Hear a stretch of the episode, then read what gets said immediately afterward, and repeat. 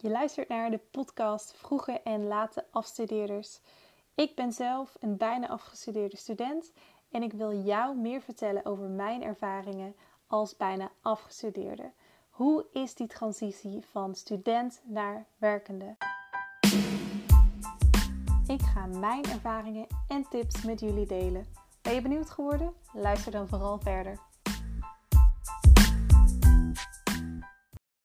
Hallo, daar ben ik weer. Dit is Iris en welkom weer bij een nieuwe aflevering van Vroege en Late Afstudeerders.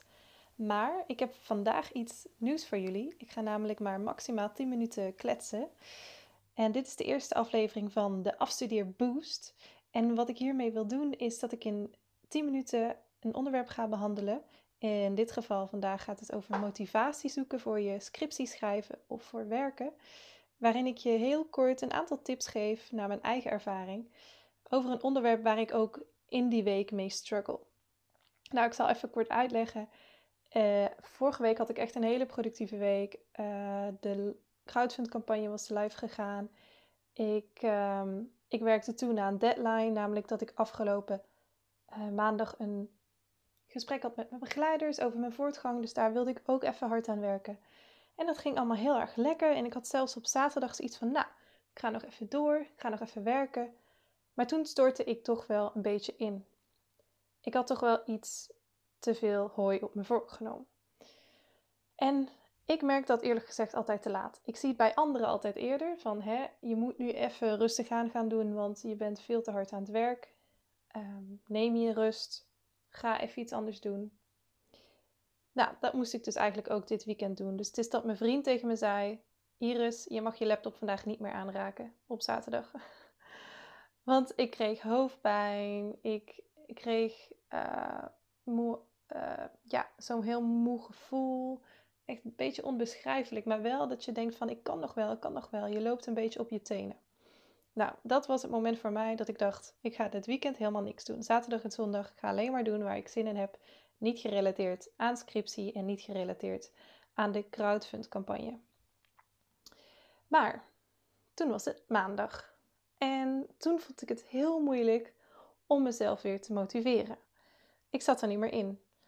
En voor mij zijn oorzaken van een lage motivatie vaak het weer. Dus dat kan zijn als het juist heel zonnig is, dat ik denk: oh, ik wil lekker naar buiten, ik wil genieten van het weer, nu het nog kan. Maar ja, in dit geval met de herfst uh, is het juist die druilig, druilerige dagen die ervoor zorgen dat je denkt, nou, dit is echt niks. Ik wil gewoon de hele dag, bij wijze van spreken, in mijn bed blijven liggen. Dus het, uh, het is ook nooit goed eigenlijk. En een andere oorzaak, een externe factor, kan zijn dat je juist, zoals mij, een hele drukke week had gehad. Of een druk weekend. En dat je op maandag denkt van, nee, ik ben er nog niet klaar voor dan heb je eigenlijk zo'n piekmoment gehad. En dan denk je de dag erna, ik kan niet meer, ik stort in elkaar. Ik ga nu ook nog even mijn rust nemen. Maar ja, eigenlijk kan dat niet, want je hebt misschien toch nog heel veel werk te doen en het is maandag. Je wil gewoon een goede start van de week maken. Hoe ga je hiermee om? Hm. Ja, dat is een hele goede vraag. En ik ga jullie wat tips geven vandaag over mijn persoonlijke ervaring hiermee. Ik voel zelfs soms dat ik denk, nou, ik wil nog liever naar mijn uh, scherm staren of naar buiten staren dan artikels gaan lezen of aan mijn resultatenhoofdstuk werken. Ah, herken je dat gevoel? Hmm, ja, het is dus echt dat je geen focus hebt. Je bent helemaal niet productief. Maar je weet misschien dat je wel deadlines moet halen. Je wil het liefst weer in die flow komen, waar je dus vorige week in zat. Hoe ga je dat doen? Nou, wat ik vaak als eerste doe, is dat ik tegen mezelf zeg: Iris, oké, je hoeft niks te doen vandaag. Wat ga je dan doen? En dan denk ik: hmm, ja, ja, weet ik eigenlijk niet. Ik heb eigenlijk afgelopen weekend ook al genixt. En uh, ik heb alles al wel gedaan wat ik wilde doen: bakken, sporten, met vrienden afspreken. Dus als jij toegeeft aan dat jij niks hoeft te doen, realiseer je dat je eigenlijk het misschien helemaal niet zo erg vindt om een paar uurtjes aan je scriptie te werken. Dus dat helpt mij om een beetje een opzetje te maken van oké, de hele dag niks doen, Dat is niet realistisch. Ik wil best wel iets doen. Dan mijn tweede tip is dat je echt moet gaan plannen en ook intervalplanning maken. Dus dat wil zeggen dat je echt naar kleine doelen toe werkt. Ik schrijf bijvoorbeeld op papier, niet eens elektronisch, maar gewoon op papier. Dinsdag 29 september in de ochtend ga ik werken aan dit en in de middag ga ik werken aan dat. En aan het eind van de middag ga ik sporten en in de avond ga ik eten met vrienden of ehm, een spontaan filmavondje doen. Het kan van alles zijn. Maar schrijf voor de komende week op wat je elke dag gaat doen en welk doel je aan het eind van de week gehaald wil hebben. En zorg er wel voor dat dat doel realistisch is. En dan mijn derde tip is dat je die planning wat je hebt niet per se moet gaan uitspreken naar de mensen om je heen. In mijn geval is het vaak in de ochtend dat wij, uh, ik heb een paar huisgenoten en dan vragen we aan elkaar, hey, hè, wat ga je deze ochtend doen? Of uh, misschien tijdens de lunch vraag je, hè, heb je, heb je een goede ochtend gehad? Of waar ben je mee bezig? En naar mijn ervaring, als ik dan ga uitspreken van, nou ja, ik had eigenlijk mijn methodologie willen schrijven, maar dat is niet gelukt. Daar, dan word ik zelf heel erg gedemotiveerd en ben ik voel ik me eigenlijk schuldig dat ik dat niet gedaan heb. En dan denk ik, ja, het is toch al mislukt. Hè? Deze dag is toch al verpest. Maar als je dat niet uitspreekt naar anderen en je zegt gewoon, uh, ja, gaat wel goed. Hè? Positief zeggen. Dan, dan, dan heb je die positieve mindset ook meteen. Dus spreek je plannen niet uit. Tip 3. Uh, eh, tip 4. Misschien kan het komen dat je geen motivatie hebt omdat je gewoon niet snapt waar je mee bezig bent. Nou, een voorbeeld is toen ik mijn data-analyse in R aan doen was. Soms dacht ik echt, nou, waar ben ik bij God mee bezig? En je motivatie is gewoon heel laag als je niet snapt wat je aan het doen bent. Maar gelukkig is alles op internet te vinden. Dus bekijk gewoon even een YouTube-filmpje over een statistische analyse die je wil gaan doen. Echt, of uh, hoe schrijf ik een uh, methodologie? Hoe schrijf ik een discussie? Zoek gewoon een filmpje uit, ga lekker zitten, kijk ernaar en je wordt al zoveel meer geïnspireerd. En je denkt, oh, dit kan ik eigenlijk wel. Dus ehm, als je iets niet weet, zoek het gewoon meteen op. En dan kom je er vast en zeker uit. Nou, de vijfde tip is dat je wel regelmatig moet gaan sparren met je begeleiders. Niet alleen met je huisgenoten of vrienden of je familie over je voortgang.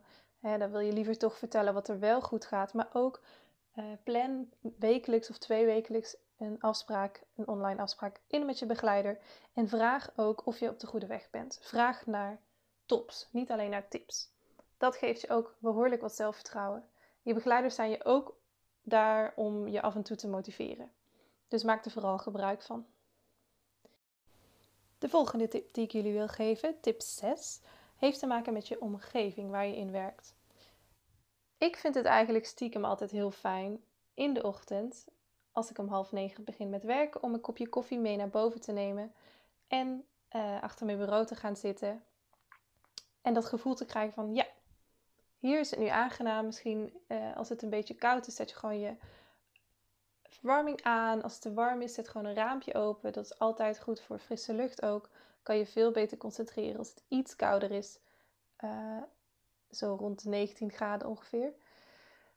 Uh, of een theetje, weet je. Zorg ervoor dat je er comfortabel bij zit. Ik heb ook mijn werkomgeving zo aangepast dat het ook beter is voor, me, voor mijn houding. Dus ik heb een stapel boeken, vier dikke boeken. Uh, daarop staat mijn laptop. En dan heb ik een los toetsenbord gehaald bij de Action, echt een paar euro. Een losse muis. En ja, zorg ervoor dat je ook gewoon goed licht hebt. Gewoon een bureaulamp of uh, dat je aan de lichte kant van je kamer zit. Um, maar natuurlijk niet dat je rechtstreeks uit het raam kan gaan staren. Je moet niet te veel afgeleid zijn, maar zorg ervoor dat je werkomgeving heel prettig is. Een goede stoel. Eigenlijk spreekt het wel voor zich, maar het is toch wel iets waar je aan moet denken. En dan als laatste, tip 7, is dat je moet gaan werken met beloningen en balans houden in de dag. En bij die beloningen moet je activiteiten die eigenlijk een hoge dopaminegehalte hebben, bewaren tot het laatste van de dag. Want als jij in de ochtend begint met een filmpje kijken bijvoorbeeld, of je social media checken, dan triggert dat je dopaminegehalte en dan krijg je dat gelukshormoon vrij. En dan voel je je eigenlijk heel goed. Dat, dat ken je vast wel. Ehm, als je iets mag van jezelf, dat kan ook bijvoorbeeld een extra kopje koffie maken of een stukje chocola eten. Of ja, dat is voor iedereen natuurlijk heel persoonlijk. Bij mij is dat vooral door social media scrollen. Ehm, en ja, iets van een filmpje kijken. Dus dat kan ook Netflix zijn of, uh, of YouTube. Bewaar dat alsjeblieft tot het laatste van de dag. Want daarna heb je geen zin meer om verder te gaan. Als jouw dopaminegehalte redelijk laag blijft, dan is werken veel aantrekkelijker eigenlijk. Want als jij van een hoog dopamine uh, activiteit teruggaat naar werken achter je laptop, scriptie, ja, logisch dat het dan heel moeilijk is om jezelf nog te motiveren. Uh, wat ik wel helpt, bijvoorbeeld als beloning tussendoor, is plan je lunch. Ga gewoon naar beneden, ga lekker koken. Ik vind het heerlijk om warm te eten smiddags. Ik neem ook echt een uur, zelfs soms anderhalf uur pauze. En dan ga ik weer door. Want hè, nu wij thuis werken, ik merk die reistijd zit er niet bij. Dus ik bespaar tijd. Wat ik normaal zou uh, gebruiken als ik naar de Unie zou gaan. Um, ja, ik, ik hoef me niet helemaal uh, om te kleden in de ochtend. Ik doe gewoon echt heel snel mijn chill outfit aan en mijn haren in een knot. Of ja, weet je, je gaat toch niet jezelf zo klaarmaken als dat je de deur uit zou gaan. Dus al die tijd bespaar je, moet je denken. Dus je hoeft ook niet uh, zo snel te beginnen met werken en korte pauzes te nemen. Nee, je kan het je echt wel permitteren om wat langere pauzes te nemen. En in die pauzes ga ook echt naar buiten, minimaal één keer per dag. Zit niet de hele dag binnen. Ik vind het heerlijk om na de lunch uh, of na het ontbijt even een rondje te gaan wandelen. Dat hoeft maar 20 minuutjes te zijn, 2000 stappen of zo. Uh, dat doe ik meestal één keer per dag. En gewoon een feit, als je buiten bent, krijg je al zoveel goede energie van. Ook al regent het, nou, neem de paraplu mee. Heerlijk als je dan weer binnenkomt en je kan lekker een theetje maken. Dus dat, dat werkt vooral voor mij en dat zou bij jou ook wellicht kunnen helpen. Nou, daar ga ik alweer afsluiten voor vandaag. Het is trouwens vandaag 29 september. Drie uur s middags precies. Yes, dat uh, was ook mijn doel. Ik wilde vanaf drie uur weer aan het werk gaan. Dus dit was ook onderdeel van mijn pauze. En uh, ik ga vandaag doorwerken tot hmm, half, half zeven, denk ik. Want ik ben ook wat later begonnen en ik heb een lange pauze gehad. En ik wens jou heel veel succes met jouw motivatie uh, zoeken. en gebruik vooral een van deze zeven tips. Ik zet hem ook nog even in de beschrijving. Dus dan kun je het rustig nalezen. Alright, tot volgende keer.